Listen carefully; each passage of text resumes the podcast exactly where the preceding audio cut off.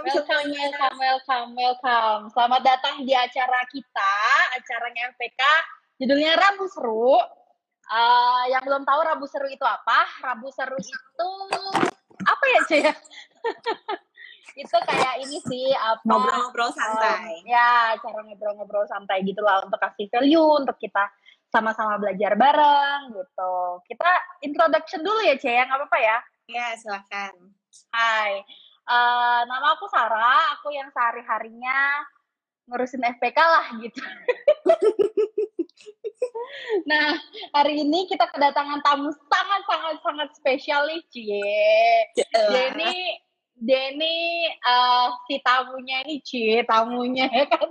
Tamunya itu kawan baik aku guys, namanya Cece Gracia.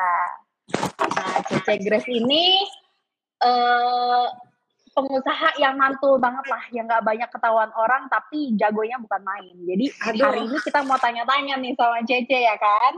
Nah, judul untuk live kali ini guys, judulnya tuh uh, gimana sih? Eh bukan gimana sih ya, apa ya? Maksudnya gini, sukses usaha bareng influencer ya kan? Karena si Cece ini punya usaha tuh ya kayak gitu guys, sukses semua ya kan Cece?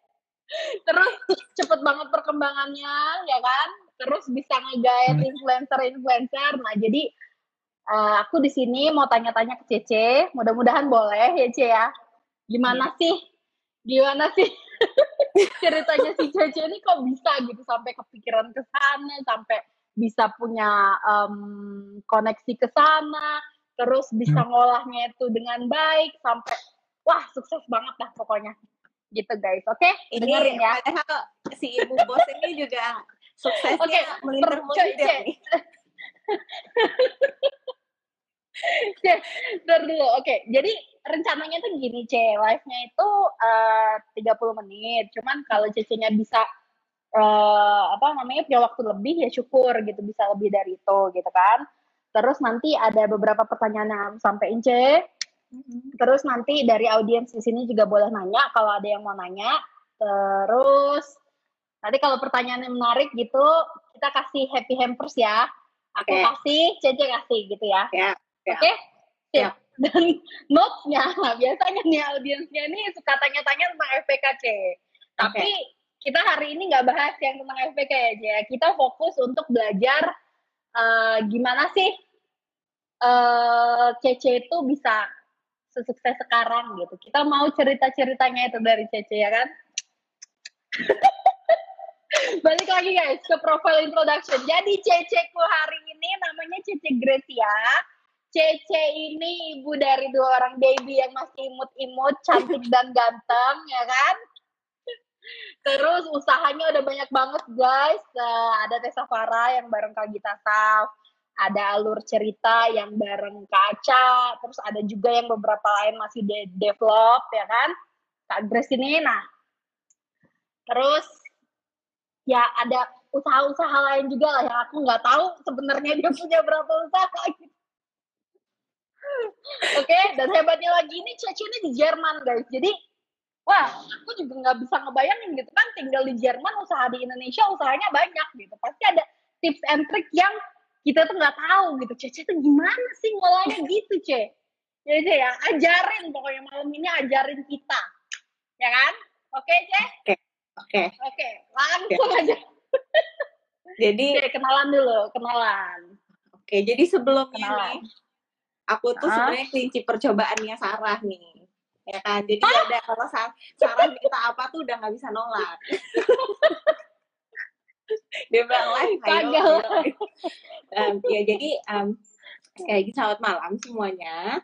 Aku Gracia. Ya, mm sekarang aduh kok kayak jadi biodata ya? Sekarang umurnya 28 tahun. Terus dari lulus SMA itu aku udah pindah ke Jerman. Jadi waktu itu um, untuk studi sama kayak Sarah. Dan ya udah nyangkut aja di sini nih sampai udah punya anak eh udah nikah terus punya anak masih nyangkut di sini nih nyangkut. Um, iya. Jadi uh, ya sebenarnya kayak ada perasaan terus kayak pengen pulang gitu. Tapi um, ya karena satu dua hal uh, yang menyebabkan ya pokoknya bisnis ini gimana pun caranya walaupun aku di Jerman harus tetap berjalan gitu. Uh, ya hmm. gitu sih profil terus kenapa tuh? awalnya awalnya kenapa cek? Emang cecek kenapa sih?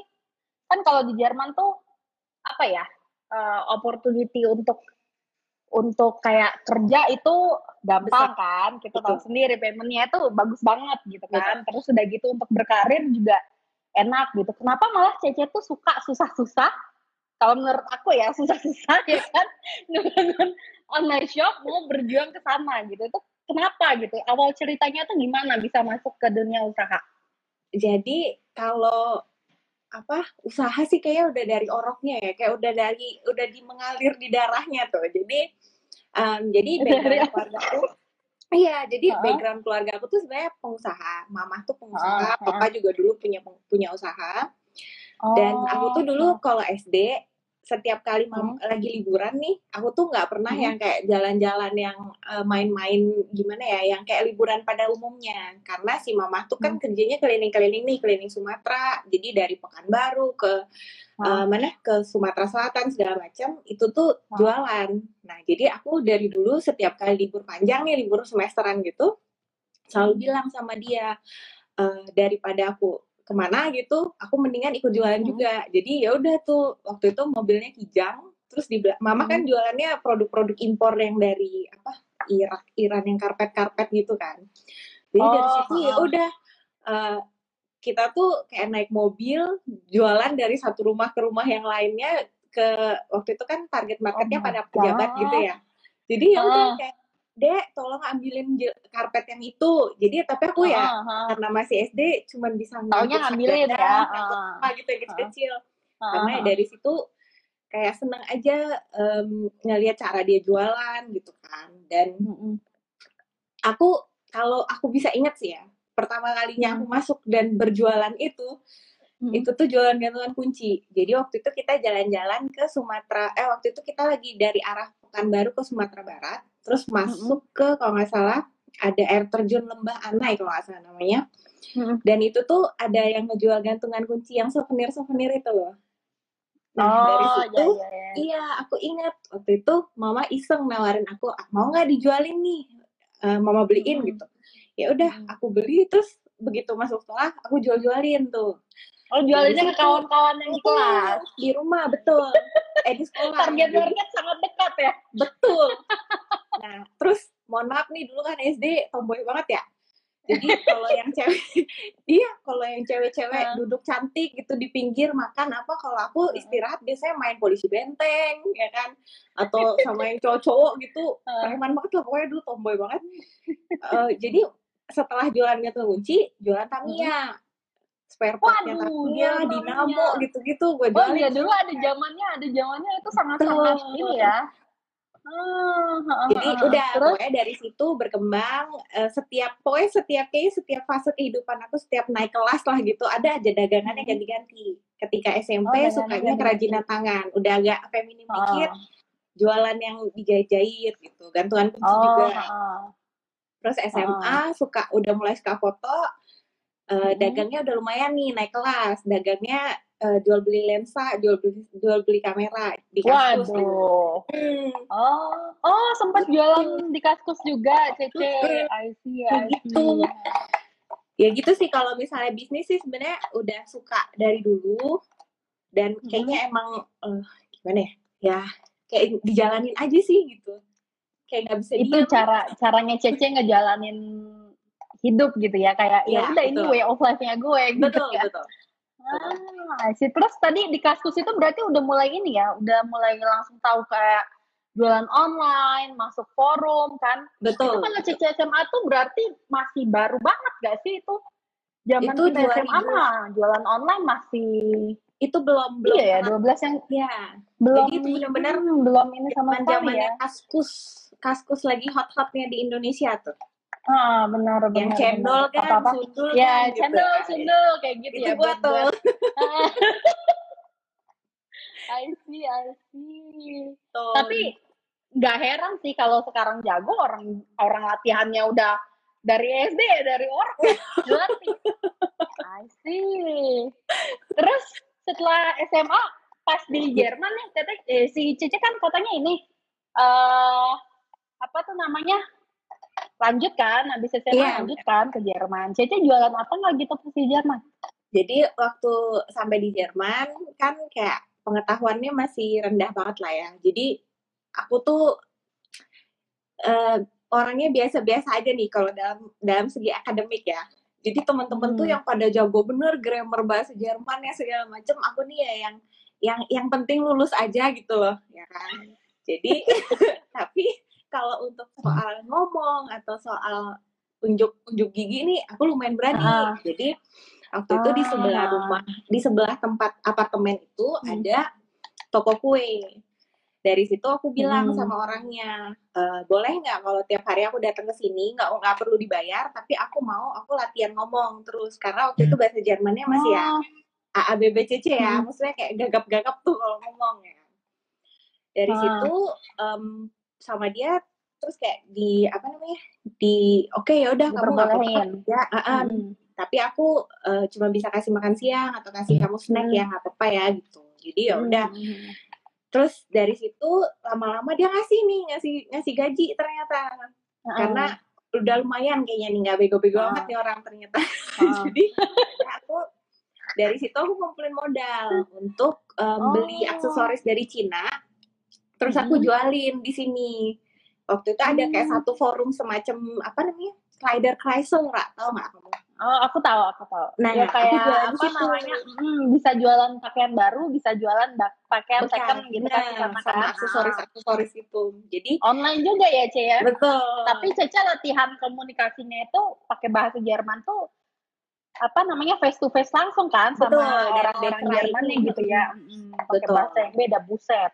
Terus jadi um, dari situ kayak sebenarnya aksesorisnya kan cuma kayak 10 sen, 25 sen gitu dari sini. Di sini hmm. aku jual kayak tiga setengah euro, 5 euro, tergantung tapi range-nya sekitar itu gitu.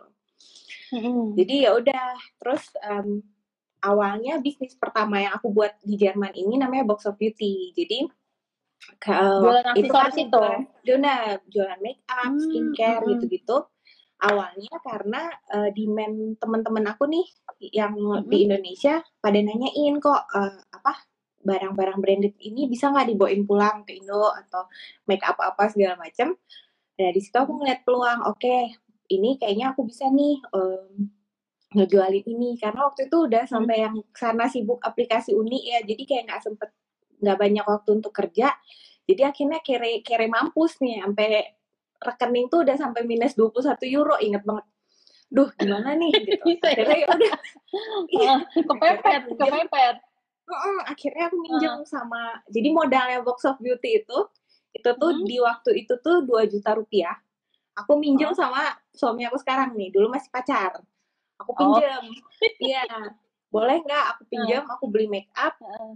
terus jadi waktu itu set set gitu kan set uh -uh. Uh, isinya ada sekitar 6 sampai 8 dari situ aku pecah-pecahin nih satu-satu aku jual-jualin hmm. nah kayak palet-palet gitu ya bener bener uh -uh. terus yang mini-mini produk gitu uh -uh. udah dari situ aku jual-jualin terus uh -uh. um, ya masih berlanjut sampai sekarang si si box of beauty yang untuk skincare dan makeup yang... tapi target marketnya siapa ceh kalau itu tuh jadi kan di Jerman benar jadi kalau dulu sih aku cuman kayak sesama temen aja ya yang di Box of Beauty itu awalnya oh, kayak gitu. kan aku nguploadnya itu masih di Instagram pribadi jadi kayak di zaman itu Aso. belum belum sewajarnya menjual di Instagram jadi teman-teman aku tuh sampai ada yang bilang lu account pribadi kok ngapain sih dipakai buat apa buat jualan gitu jualan Terus, uh, iya akhirnya tuh jujur banyak teman-teman yang unfollow juga yang ada Waduh. yang ngomongin langsung ngomongin kok ini nguploadnya dagangan terus ya. Ya sebenarnya kalau dipikir-pikir sekarang kayak iya sih ya risih juga iya, sih iya benar juga. Benar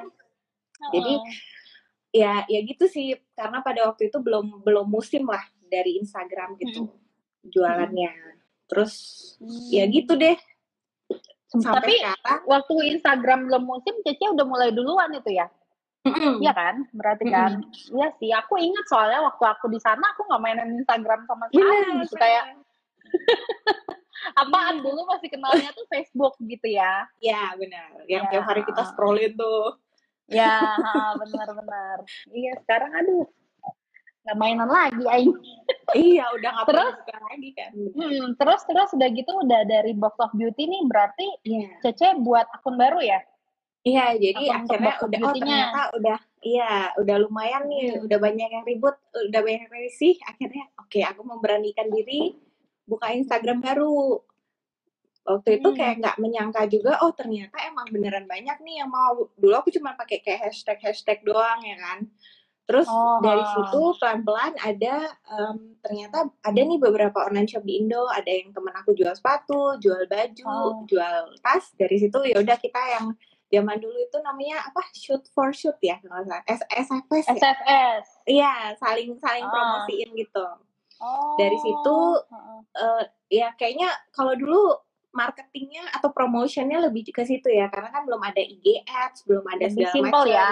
nah uh, dan jadi caranya masih kayak organik gitu ya cuy ya? Betul betul.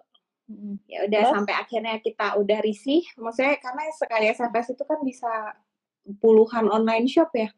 Jadi ya udah ya, aku udah quit. Aku nggak nggak mainan yang kayak gitu lagi. Lebih ke ya udah uh, kita endorse endorse terus ya lebih oh. kayak kalau kalau untuk customernya skincare dan kosmetik itu kan mereka kan emang kalau udah suka sama produk kecantikan kan mereka akan datang terus gitu ketika ya tergantung supply oh. kita lah kalau kita stoknya ada hmm. terus ya mereka akan keep buying gitu iya terus aku inget juga sih produknya Cece itu emang uh, apa namanya yang Cece pilih untuk dijual di Box of Beauty ya, ini kita ngomongin mm-hmm. Box of Beauty dulu.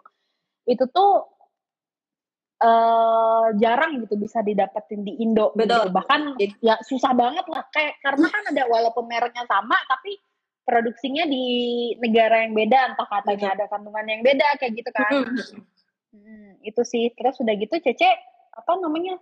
Uh, berarti targetnya uh, beauty lovers terus hmm. udah gitu uh, ini ya enak ya sebenarnya udah sangat spesifik yeah. ya karena kan yang Betul. mau kayak gitu tuh ah yang mau kayak gitu kan berarti ya.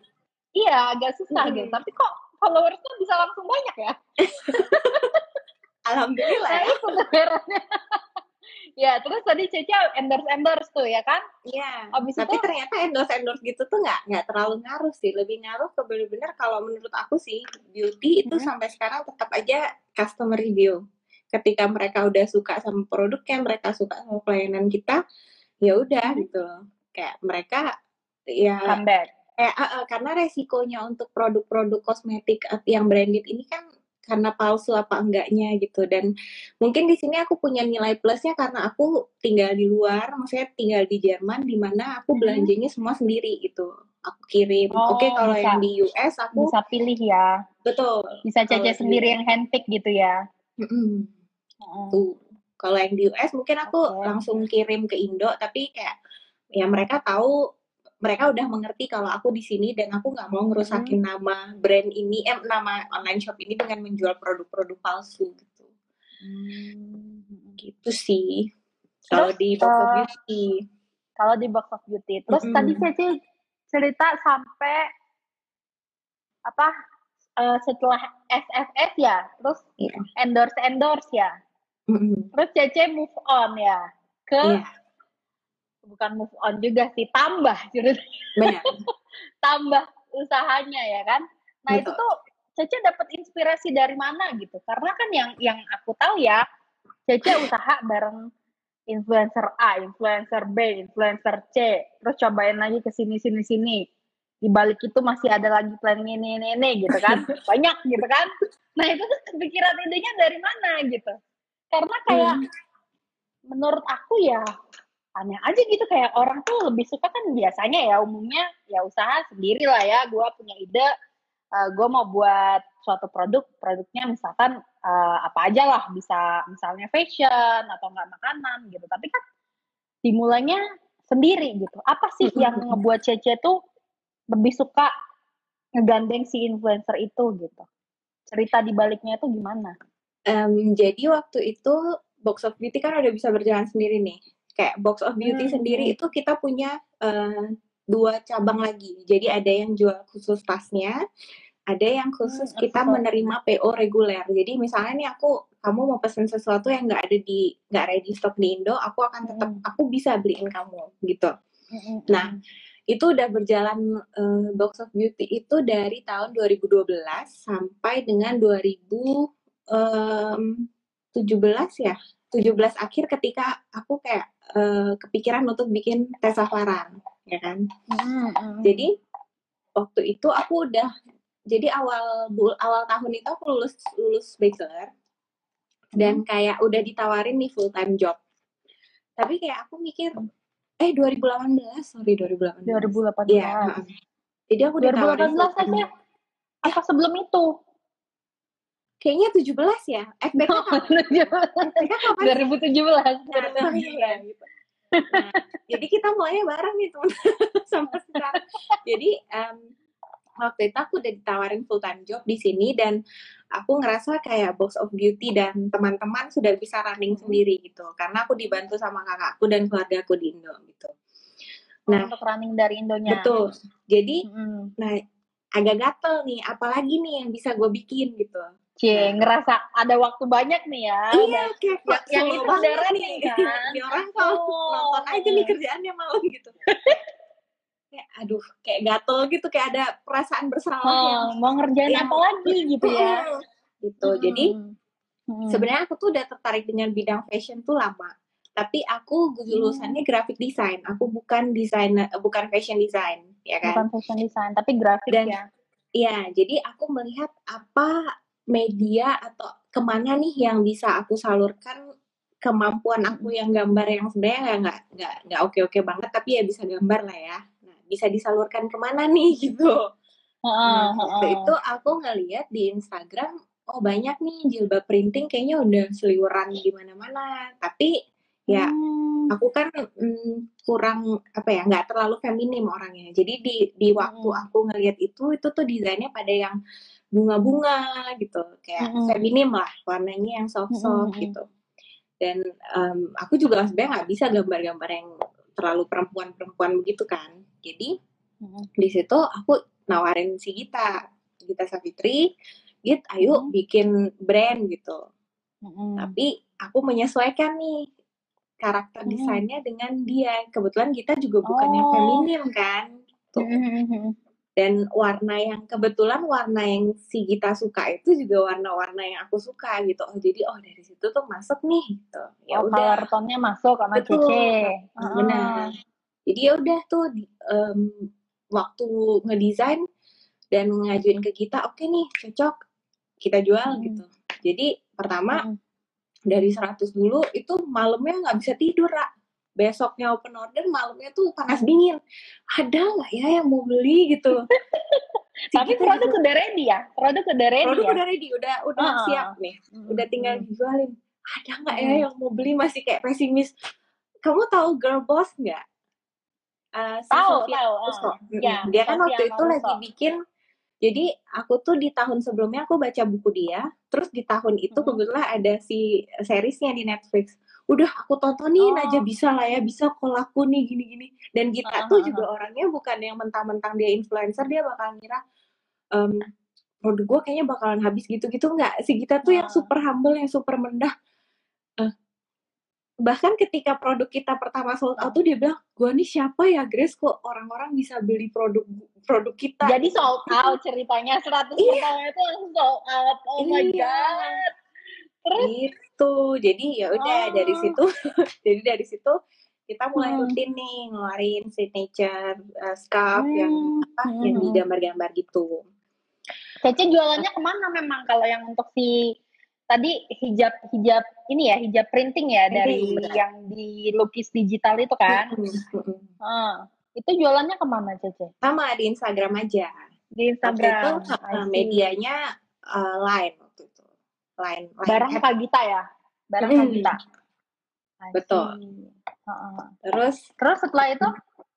Setelah itu uh, dari situ sih berjalan aja sih kayak oh oh ternyata kita bisa menambahkan beberapa item yang baru gitu di Tasavara. Hmm. Terus kalau dari um, kalau gimana dengan si Aca ya, uh, itu Natasha juga Rizky ya, Aca. Natasha Rizky. audiens kita nggak kenal.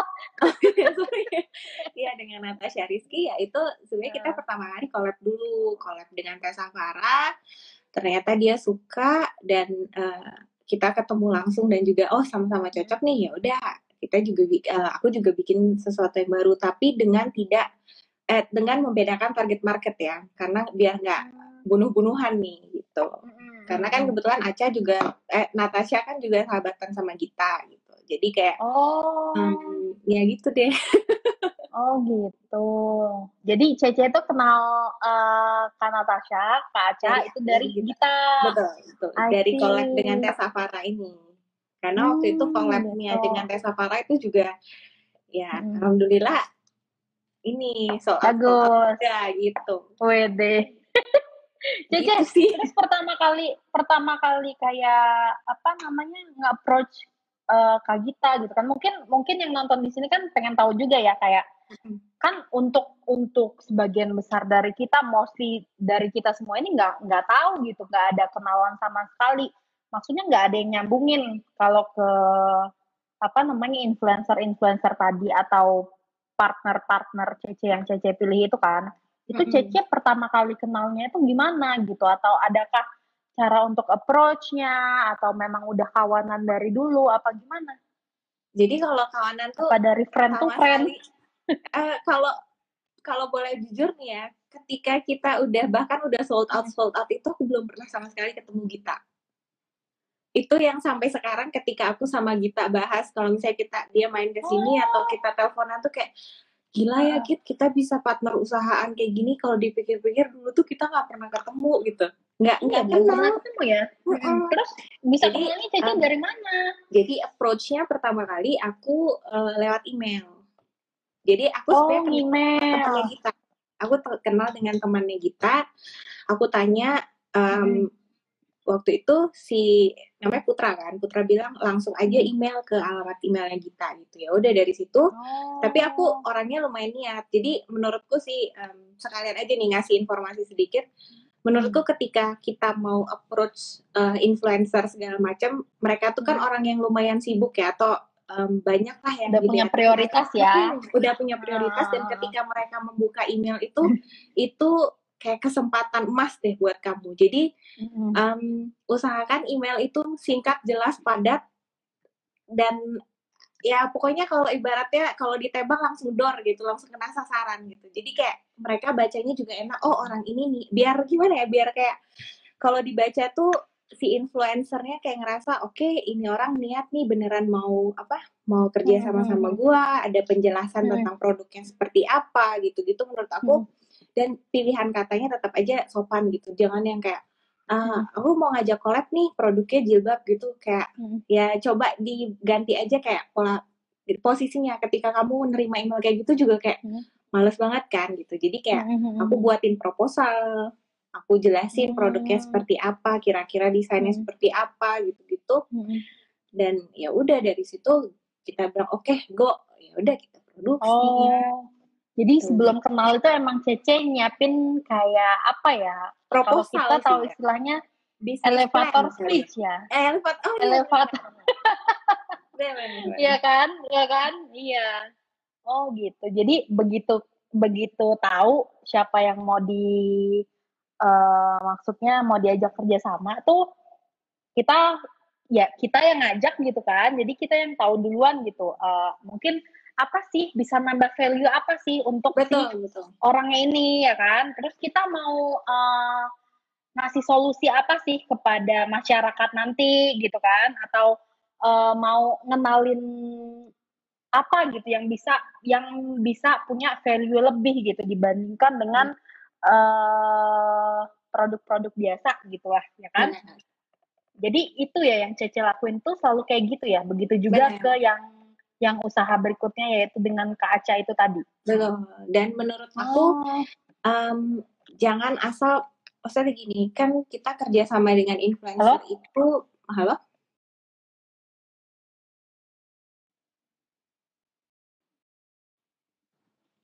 Halo? Halo, Cek. Jelas? Ya, ya, nyambung, nyambung, okay. nyambung.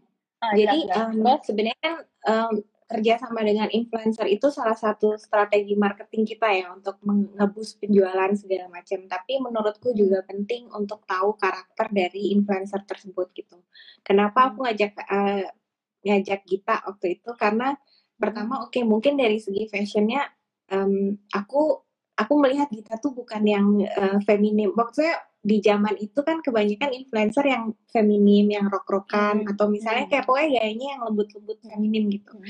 Sementara gaya uh, gayanya kita kan enggak tuh kayak casual boyish boyish style gitu Iya, yeah, iya. Yeah, aku benar. juga suka tuh. Nah, uh-uh. terus um, dan konten-konten YouTube-nya kita tuh kan yang berbobot hmm. gitu loh, kayak um, uh-huh. ini ada yang bisa dipelajarin dari dari influencer ini nih gitu. Dan hmm. aku ngerasa kayak oh orangnya juga kayak straightforward aja kalau ngebales email ya ya udah seadanya aja kayak oh, oke okay, hmm. enak nih gitu dan aku ngerasa oh, brand ini mungkin bisa memberikan value juga buat orang lain gitu kayak semua orang hmm. dan aku pengennya dari awal sama Gita walaupun ini brand dengan influencer kita nggak mau harganya mahal-mahal gitu kita mau hmm. mendeliver kualitas yang baik tapi hmm.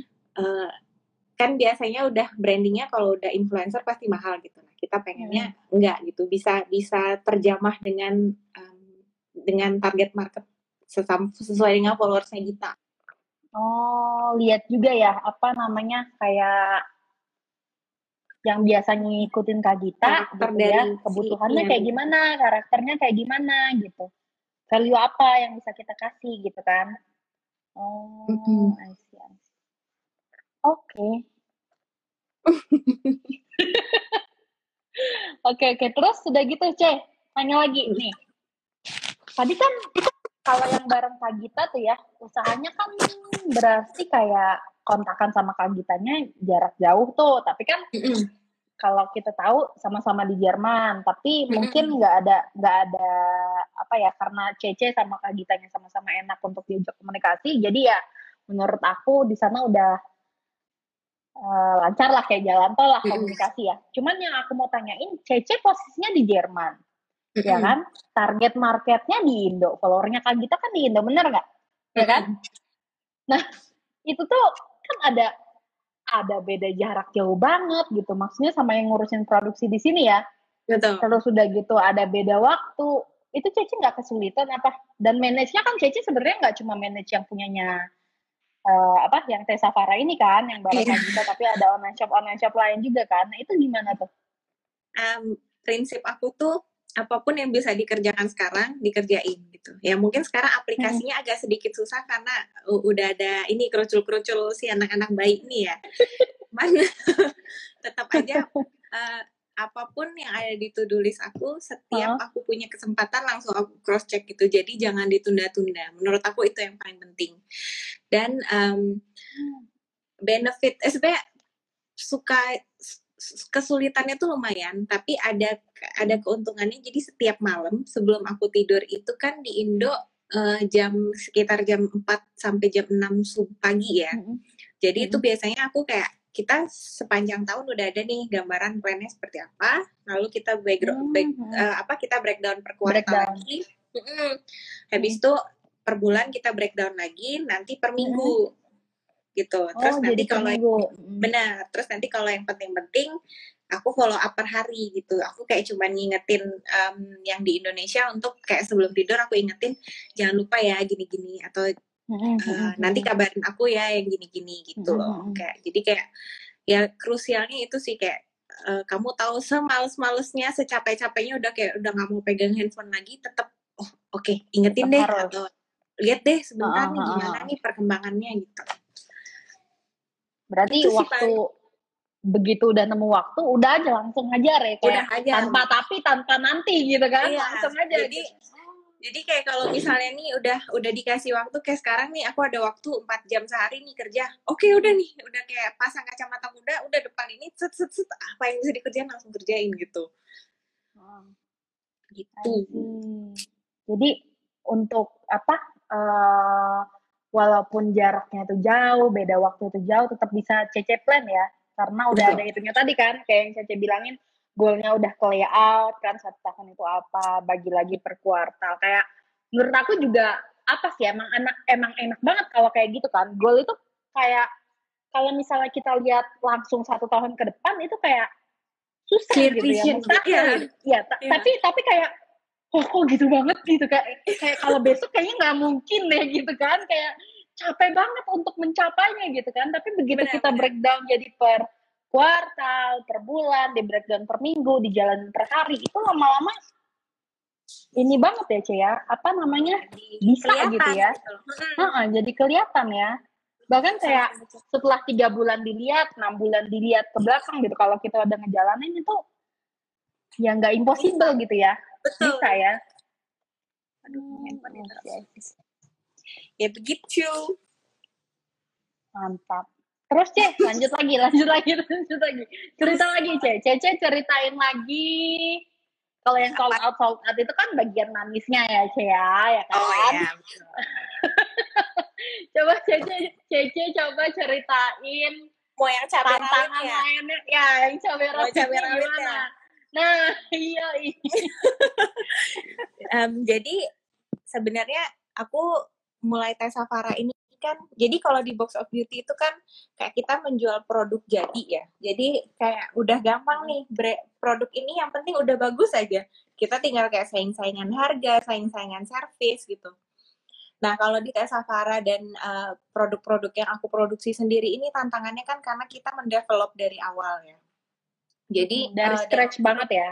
Benar, dan waktu itu hmm. karena baru mulai aku semuanya pakai outsource kan. Jadi aku pakai vendor, aku cari bahan yang sebenarnya waktu itu kayak ngeblank juga nih bahan sebenarnya murah apa mahal sih gitu. Terus kayak hmm. penjahit ya ampun kalau di kalau diceritain itu dibukuin bisa satu buku tuh kayak Seven Habits lah.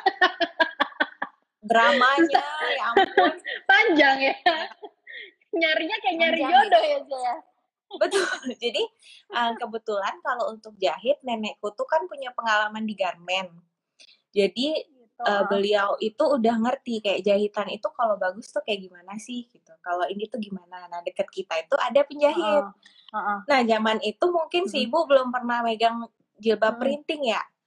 Jadi kain itu lebarnya 120 kali 150 ya kan di printnya tapi 120 kali uh, 120 uh. sisa 30 cm itu kan harusnya dipotong dibuang ya yang dijahit 120 kali 120 uh. Sama si uh. ibu ya udah persegi panjangnya itu 120 kali 150 jadi seputih-putih frame-nya itu yang dijahit sebenarnya iya. Oke, udah aku kira mau dikasih tanda tangan Kak Gita di sana. iya, kayaknya ya. Jadi kita pakai, mohon maaf, ini square apa pas pasmina apa di tengah-tengah nggak ngerti juga nih. Terus um, udah, ternyata nggak cocok, kita cari penjahit hmm. lain. Ada yang, oh udah dibayar barang di dia, terus tiba-tiba nggak hmm. dikirim barangnya itu aku juga pernah um, hmm. dan posisinya itu orangnya di Bandung terus, terus ada nih coba ke um, salah satu teman halo halo ceh oh, kayaknya ya, gimana? koneksi aku jelek sorry sorry oh. tadi sampai Aduh. Tadi sorry tadi sampai ini kedengerannya sampai CC buat hijab, terus udah gitu pindah ke penjahit kedua tuh yang udah uangnya dikasih, barang yang nggak dijadiin gitu kan. Benar. Hmm. Jadi tiba-tiba nomornya di blok aja udah nggak bisa dihubungin, kita yang nggak tahu alamatnya ya. Wah, mau nyamperin juga nggak ngerti. Jadi carinya online. Iya, itu ya apa boleh buat carinya online kan. Terus mm-hmm. udah dari situ coba cari rekomendasi dari teman, eh ternyata teman juga ada yang sampel ya bagus tapi ketika produksi nggak bagus gitu jadi hmm. um, suka dukanya kayak gitu sih terus kayak bahan-bahan yang kita kira udah oke okay, ketika diproduksi aduh tonnya miring segala macam reject hmm. jadi nggak bisa hmm, hmm, jual hmm. hmm. lebih ke trial errornya waktu itu dijahit terus kayak ketika sold out sold out terus kan kita panik ya gimana caranya supaya kita bisa memenuhi demand gitu. Sampai ya, harusnya jadi uh, sampai akhirnya kita memutuskan oke okay nih mungkin udah saatnya kita nggak nggak tambah. nggak nggak di luar lagi. Saatnya kita udah hmm. harus go sendiri gitu. Jadi ya udah hmm. kita akhirnya uh, di eh, gimana ya kayak dapet orang yang bisa dipercaya untuk jadi mandor hmm. untuk jahitan oh jadi ada tim jahitnya gitu. Hmm, yang ngontrol ngontrolin benar kualitas produksi Benar. gitu kan. Uh, oh, asyik asyik. Gitu. Terus Jadi udah gitu dari itu baru pelan-pelan kayak uh, dicari lagi nih kenapa kayak waktu itu kalau ordernya cuma lewat line, lewat WhatsApp, kayaknya nggak hmm. optimal karena kayak hmm. orderannya kayak nggak habis-habis capek gitu ngebales ini kayak hmm. udah pada KO gitu. Oh kita hmm. pakai si Shopee gitu. Hmm, Jadi pelan-pelan kayak Shopee. pelan-pelan kayak hmm. masalahnya diselesaikan lah gitu. Hmm. Satu persatu. Oh step by step ya, tetap satu persatu ya. Oh, I see. Terus uh, ada lagi nggak C tantangan lagi C kan itu tadi dari produksi ya sedangkan kan kita tahu kalau usaha itu kan biasanya banyak kan aspeknya misal uh, apa namanya kalau produk ada ada produksi. Kalau CC kayaknya nggak begitu masalah dengan dengan marketing ya sama sales ya. Tapi kan ada juga yang uh, divisi lain kayak finance ataukah kayak divisi apa lagi ya? Aku nggak bisa ngelihat masalah sama sekali soalnya di bisnis. Aduh, jangan gitu. Apalagi cabai rawitnya, Cece. Cece harus ceritain dong, ya kan? Ya, kalau kalau aku sih jujur sampai sekarang um, produksi itu belum atau dari tim HRD HRD kalau ya kalau HRD aku lumayan struggle dulu di bagian konten oh, ya jadi uh, kurang belum belum menemuin nih gimana sih yang cocok atau belum nemuin yang benar-benar ngerti maunya aku tuh apa gitu ya kan hmm, karena aku bu, di sini aku bukan um, gimana ya di sini bukan cuman selera aku aja yang di yang hmm. jadi poin-poin tapi gimana caranya aku benar-benar bisa membuat feel Tesafara itu tuh ada gitanya gitu Oh, uh, uh, uh. jadi nah, uh, apa namanya nyatuin gimana sih dua selera itu uh, karakternya bisa gabung gitu dan bisa Betul. match dengan audiensnya gitu kan. Hmm. Jadi Betul. untuk nyari desainer yang itu ya waktu itu ya kalau nggak ya, salah. juga pernah tanya apa gimana gitu ya? Aku pernah inget tuh Ra kamu uh, kenal nggak? Kita ada kenalan kenal nggak? kayak gitu, ah, kayak gitu kan. gimana sih? Eh, karena yang itu gitu loh. Gimana sih gitu. Terus ya sebenarnya kalau untuk dibilang kayak okay. um, suka dukanya itu lebih hmm. banyak di eh sorry dukanya lebih banyak di produksi ya sampai sekarang juga ketika kita produksi aku tuh masih kayak was was gitu oke okay. tapi nggak tau kenapa setiap kali aku was was itu kayak oh oke okay, ada terus yang bisa dipelajarin gitu loh kayak mm -hmm. aku sampai sekarang juga masih tetap berusaha belajar karena kan mm -hmm. uh, gimana caranya untuk mendevelop kayak contohnya baju-baju segala macam kan mm -hmm. itu mm -hmm. agak sulit ya dan mm -hmm. trennya kan berubahnya cepet banget gitu kayak ya, cepet masih banget. diproduksi eh tau kayaknya bahan ini udah nggak terlalu oke okay lagi deh gitu Jadi, atau enggak uh, Cece mau nambah barang tapi bahannya udah nggak ada gitu ya iya betul uh -huh. betul sekali hmm. gitu jadi kayak waktu itu pernah yang kita kewalahan banget itu sebenarnya penjualannya udah disiapin untuk satu bulan. Hmm. Udah selesai di satu hari, eh sorry, iya dua hari lah sama rekap-rekap. Dua hari habis. Habis gitu. itu udah udah nggak ada lagi yang bisa dijual dalam bulan itu gitu. Jadi ya sih, aku juga pernah dapet itu tuh, deh, dapet apa? Dikasih tahu kan sama uh, menurutku dia inspirator gitu sama kayak hmm. Cece. nah, dia kasih tahu kalau kamu punya usaha, barang kamu sold out sold out terus, apa pun yang kamu jual sold out sold out terus, berarti kamu ada salah tuh gitu. Iya. Kamu nggak naikin kapasitas produksi kamu gitu kan? Betul. Nah aku dari situ kayak tak gitu. Iya juga ya, gue ada sold out gitu, tapi nggak bisa kasih apa-apa lagi gitu kan harusnya nggak ada kalau dilihat kalau dilihat dari sisi lain oh ya keren gitu kan sold out tapi itu kayak ya harusnya lu bisa jualan lebih men gitu kan? Benar benar. Ya kan? Hmm. I see. Terus Cece setelah dari itu setelah sold out sold out sold out itu Cece nambahin kapasitas produksi gitu ya? Iya jadi apa emang itu barang banyak setelah itu? Jadi kita permasalahannya itu selalu di bahan gitu. Jadi walaupun kita udah stoknya cukup nih, udah banyak, udah yang kayak aku bilang tadi udah waktu itu udah satu bulan tuh udah prepare, wah hmm. udah mantep banget nih pokoknya semua pasti tercapai semua pasti bakal dapet nih barang ini gitu.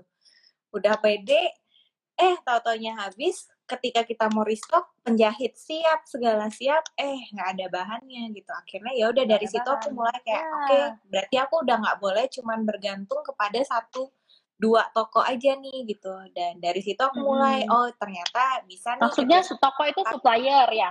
Iya so, dengan supplier hmm. kain dan hmm. dari situ juga aku belajar oh ternyata aku walaupun kayak cuman pemain kecil eh aku menganggap ya kita masih brand kecil gitu um, berani kayak dulu nggak berani gitu ngontak pabrik untuk nanya ada nggak sih bahan gini-gini karena kan kalau udah mindsetnya pabrik itu kan pasti oh kamu harus ribu ordernya ribuan mm-hmm. yards ya kalau kain ya atau puluhan yeah, ratusan roll gitu oh ternyata mm-hmm. bisa nih ternyata mereka ya gayung bersambut lah aku nanya dan ternyata dari situ kita sering ini sama-sama sering kerja sama iya gitu. Mm-hmm. Oh, I see, I see. itu Sampai sekarang ya, Cia? Ya? Masih aja di yeah. produksi itu ya? Yeah, masih.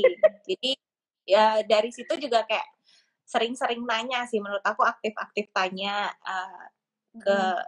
ya walaupun emang kayak kadang nggak pede ya apakah mau nih diladenin sama pabrik gitu tapi hmm. sengaja nanya pasti ini kok maksudnya pede aja gitu bahkan kayak okay. dari situ kadang-kadang udah ada kayak ada penawaran-penawaran lain yang kayak mm -hmm. oh ternyata kita bisa develop bahan gitu ternyata kayak mereka bisa bikinin mm -hmm. buat kita bahan yang kita mau gitu.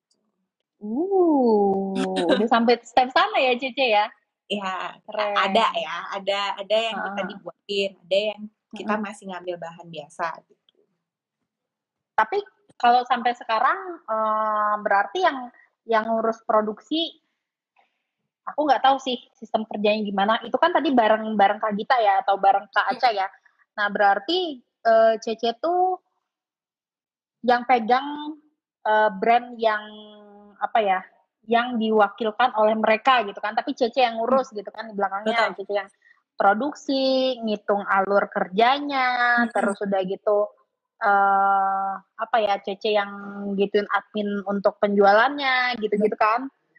Oh, see. Terus kalau kerja sama-sama, balik lagi ya ke topik C yang influencer tadi itu, menurut Cece nih, kalau kerja sama-sama mereka, hmm. kan kalau kalau aku ya kerja sama tuh jarang banget gitu pakai uh, kontrak yang apa gitu, apalagi waktu baru-baru mulai kan gitu, hmm. nah, yang tertulis hitam di atas putih. Nah kalau sama influencer menurut Cece gimana sih? Setelah kita approach gitu ya terus terus berhasil gitu mau gitu tertarik gitu kan? Setelah ada elevator speech-nya cie ada elevator speech-nya enaknya gimana? Apakah di sini tuh tadi juga ada yang nanyain gitu apakah enaknya itu emang menjalin hubungan personal kayak gaya Indo lah ya kayak iya. teman yeah. banget gitu kan ataukah pakai legal hitam di atas putih itu menurut Cece gimana? Kalau menurut aku itu kembali lagi gimana kamu dan partner kamu gitu. Jadi um, hmm. ada nih, jadi kan kebetulan aku ada kerjasama dengan beberapa partner gitu. Di sini kita oh. ada yang pakai kontrak, kita ada yang nggak pakai kontrak. Nah, hmm. um, kalau untuk ini pasti penasaran kayak uh, gimana sih bisa meyakinkan mereka untuk hmm. kalau misalnya mau nggak pakai kontrak atau pakai kontrak gitu. Hmm. Pokoknya menurutku semua harus dikomunikasikan dari awal. Kamu harus jelasin hmm. um, benar-benar uh, pembagian tugasnya kira-kira seperti apa dan hmm. kayak kalau misalnya kita ada masalah penyelesaiannya itu baiknya gimana secara kekeluargaan kah atau kayak hmm. gimana ada kompensasi kah atau segala macam hmm. itu semua harus kayak udah clear dulu dari, dari awal. awal benar nah dari situ hmm. baru kami putusin ada yang mungkin kayak ngerasa influencernya malah bilang aduh ngapain sih pakai kontrak gitu ada yang hmm. mungkin kayaknya gue lebih aman pakai kontrak deh gitu atau hmm. kayak kamu ngelihat mm, aduh nanti kalau dia di endorse kebanyakan hijab gimana ya gini gini gini hmm. jadi kayak um, kayak itu harus diomongin nanti dicari hmm. jalan tengahnya maunya seperti apa gitu kayak hmm. aku nggak bisa bilang kayak kayaknya pasti enakan pakai kontrak itu enggak gitu. tapi uh, kalau enak nggak pakai kontrak iya tapi kita juga kayak harus tahu posisi apakah hmm mereka itu udah cukup kenal kita karena ini kan permasalahannya kembali lagi ke uang ya karena dan hmm. dan uang itu kan sesuatu yang sangat sensitif hmm. jangan sampai memunculkan masalah gitu benar dari awalnya udah di ada dari kayak kesepakatan gitu ya itu Oke, oke. Oke, C, ini waktunya kan tinggal 10 menit lagi nih. Gila, lama ya. bener ternyata kita ngobrol-ngobrol. Ayo, oke, langsung masuk ke pertanyaan nih, C. Bentar, aku sambil pilih-pilih ya. Iya. Ini Halo, ada, eh, oh. Ah? Ada Cipa ya di sini ya? Oh, itu pertanyaan yang langsung ke live-nya ya? Iya nih, ada si Cipau. Hai Cipa. Cici Grace apa kabar tuh katanya. Baik, Cipa. Cipa ini dulu juga yang bantu aku. Jadi dari awal aku tes Safara ini, pokoknya tim FPK ini uh, yang selalu ngebantuin aku. Makanya kayak I love Alhamdulillah you. dipercaya. Cipa okay, jangan ke sana. Kita nggak ngomongin itu. Kita nggak ngomongin itu. Oke, okay, masuk ke pertanyaan ini. Kemarin kan kita buka question box nih ya kan. Nah, pertanyaan yang terpilih nanti uh, kita kirimin happy hampers lah gitu kan. Nah, terus menurut yeah. aku ada pertanyaan bagus nih, C. Uh, si kakak ini nanya, namanya Kak Ida Arfar. Gimana mm -hmm. caranya, kata dia teh, agar si usaha ini terus lancar gimana menurut Cece kalau usaha itu mau terus-terusan lancar gitu? Karena kalau karena aku tahu usaha nggak mungkin selalu lancar gitu kan. Tapi kalau dari Cece gimana? Betul. Betul apa? Um, kalau misalnya halo? Ya. Kayaknya ah. koneksinya ya Ra. Udah, udah sih udah kedengeran? udah kedengeran kok. Ya oke. Okay. uh, jadi kalau menurut aku mau bikin usaha itu selalu lancar memang susah sih. Kayak itu mission impossible menurut aku. Kalau bahkan kalau misalnya kayak lancar terus itu berarti ada yang salah nih. Berarti kita nggak berkembang gak sih? Nggak tahu kalau menurut aku ya. Hmm. kita apa naik kelasnya gitu ya gitu kan? Iya gitu um, tapi mungkin lebih gini sesuatu yang gak lancar itu kan berarti ada masalah ya. Nah, ketika hmm. ada masalah jangan pernah berlarut-larut dan hmm. segera mencari solusi itu. Jadi fokus oke okay nih, mungkin Fokusnya ke solusi. Aduh, ruginya betul. Aduh, hmm. ruginya banyak banget. Gimana gini-gini, hmm. tapi kamu tahu hmm. uh, aku punya nih solusinya. Ya udah pikirin hmm. dulu solusi itu, selesaiin dengan solusi hmm. itu nanti rugi-ruginya di belakang, apa-apanya di belakang hmm. itu urusan belakangan gitu. Hmm tapi tetap semuanya dengan perhitungan ya gitu. Jangan hmm. kayak ya gitu lah pokoknya dan terus nggak uh, boleh kayak yang ya udahlah jalanin aja dulu itu harusnya nggak boleh aja harus nggak boleh. planningan ya gimana Betul. caranya kita jadi solutif proaktif gitu ya. Benar. Karena, dan usaha itu ya aku setuju sih sama Cece. Nggak mungkin lancar terus. Nggak mungkin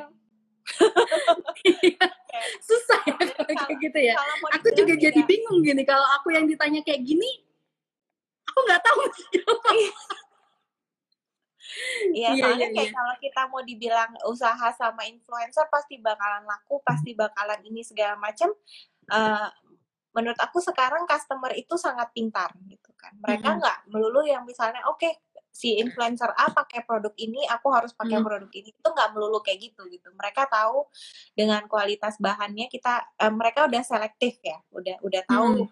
um, apa sih namanya kayak kualitasnya seperti apa. Hmm. Pokoknya hmm. udah bisa paham lah ya sama udah produk paham, gitu, udah gitu. bisa bandingin jadi, juga gitu kan.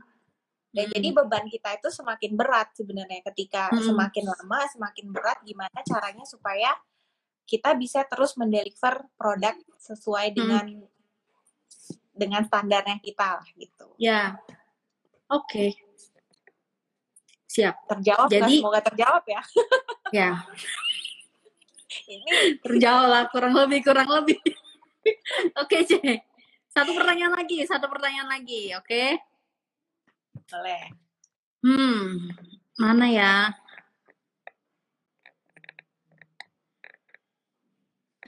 Hmm. Eh, bentar, bentar.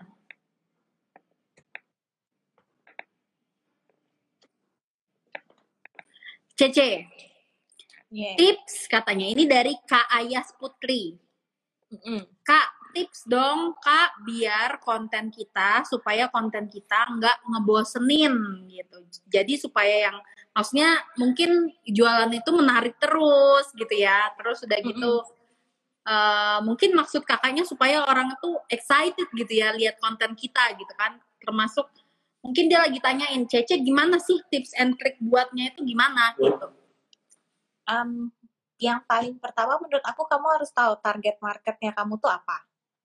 Nah hmm. setelah dari situ kamu bakal tahu nih uh, konten-konten yang relate atau produk yang relate untuk mereka tuh apa gitu. Ketika sesuatu mm -hmm. itu udah relatable mereka akan datang terus kan ke kamu kayak oh ya juga mm -hmm. gue perlu ini nih atau kayaknya dia ada info ini nih kayak jadi bakal ada mm -hmm. terus di situ kayak bakal keep coming back walaupun kita misalnya sekarang kan kayak Instagram nggak melulu munculin uh, apa ya um, story atau feedsnya uh, postingan feeds kita ya gitu mm -hmm. tapi kayak ketika orang ada sesuatu yang dia pengenin atau sesuatu yang dia yang klik juga sama dia gitu ya. udah uh, dia akan ingat sama kita gitu. Jadi itulah hmm. pentingnya kamu tahu target market kamu dan kamu tahu gimana caranya membrandingkan brand kamu dengan hmm. tepat gitu menurut aku.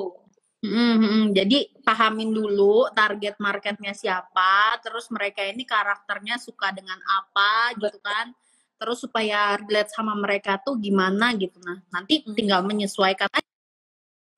Desain kita punya karakter ya terserah kita. Kita bisa ngikut desain kita terus. Tapi kalau misalnya berdasarkan tren produk yang kita buat juga berdasarkan tren bisa ngikut tren gitu kan ya Ce ya. Yang penting paham dulu sama target marketnya Betul. ya. Hmm, yeah. gitu. Kak Ayas ya Kak Ayas Putri tadi yang nanya. Oke itu tadi dua orang Jangan lupa nanti silahkan DM Mimin alamat kalian nanti kita kirimin happy hampers. Yeay. Yeay. Kirimin juga ke sini ya. Waduh, jauh sih. Jauh. tunggu tunggu ininya bordernya buka dulu ya. Nanti aku okay. kirimin ke sana deh. Oke. Okay. Apalagi ya? Hmm, aku aku deh yang tanya boleh nggak sih aku yang tanya Halo, jangan susah-susah ya. Pertanyaannya boleh nggak nih? Ya kan?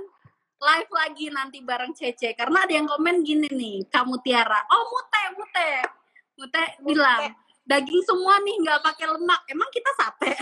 Oh, tahu aja nih masih banyak lemak. Tapi pertanyaan aku serius, kita boleh nggak yeah. nih live lagi? Ya boleh. boleh ya? Ih, asik. ya udah nanti uh, ini waktunya udah udah mau habis nih, Ce. Tinggal dua menit lagi udah ada reminder. Nah, jadi uh, kalau untuk hari ini mungkin untuk summary-nya uh, apa? Itu tadi ya, pelajaran nomor satu kita aku tadi belajar tentang uh, elevator speech ya kan prepare dulu kalau kita mengajak partneran tuh ya kan terus udah gitu belajar jangan berhenti tuh ya kan? Apalagi kalau usaha kan pasti ada halangan terutama kalau misalnya kita produksi sendiri ya mesti pasti ada aja halangan di produksinya gitu. Dan bisa jadi halangannya tuh tiap orang beda-beda. Ada juga yang produksinya udah jago jualannya nggak jago gitu kan? Ada yang uh, apa namanya? Hmm, apalagi ya? Ada yang misalnya jualannya jago, terus udah gitu produksinya jago, modalnya nggak ada gitu kan itu kan harus diimbangin terus gitu ya. Nah, terus udah gitu aku juga hari ini belajar dari Cece uh, yang namanya usaha itu ya kayak yang aku bilang tadi nggak mungkin lancar terus gitu. Jadi lanjut aja kayak terus dibuat goalnya, terus di apa breakdown untuk eksekusi, dijalanin tanpa tapi tanpa nanti. Ya nggak sih betul betul. Itu penting. Okay. tanpa Sip. nanti tanpa Sip. tapi. Kok kamu iya, merangkumnya cakep sih?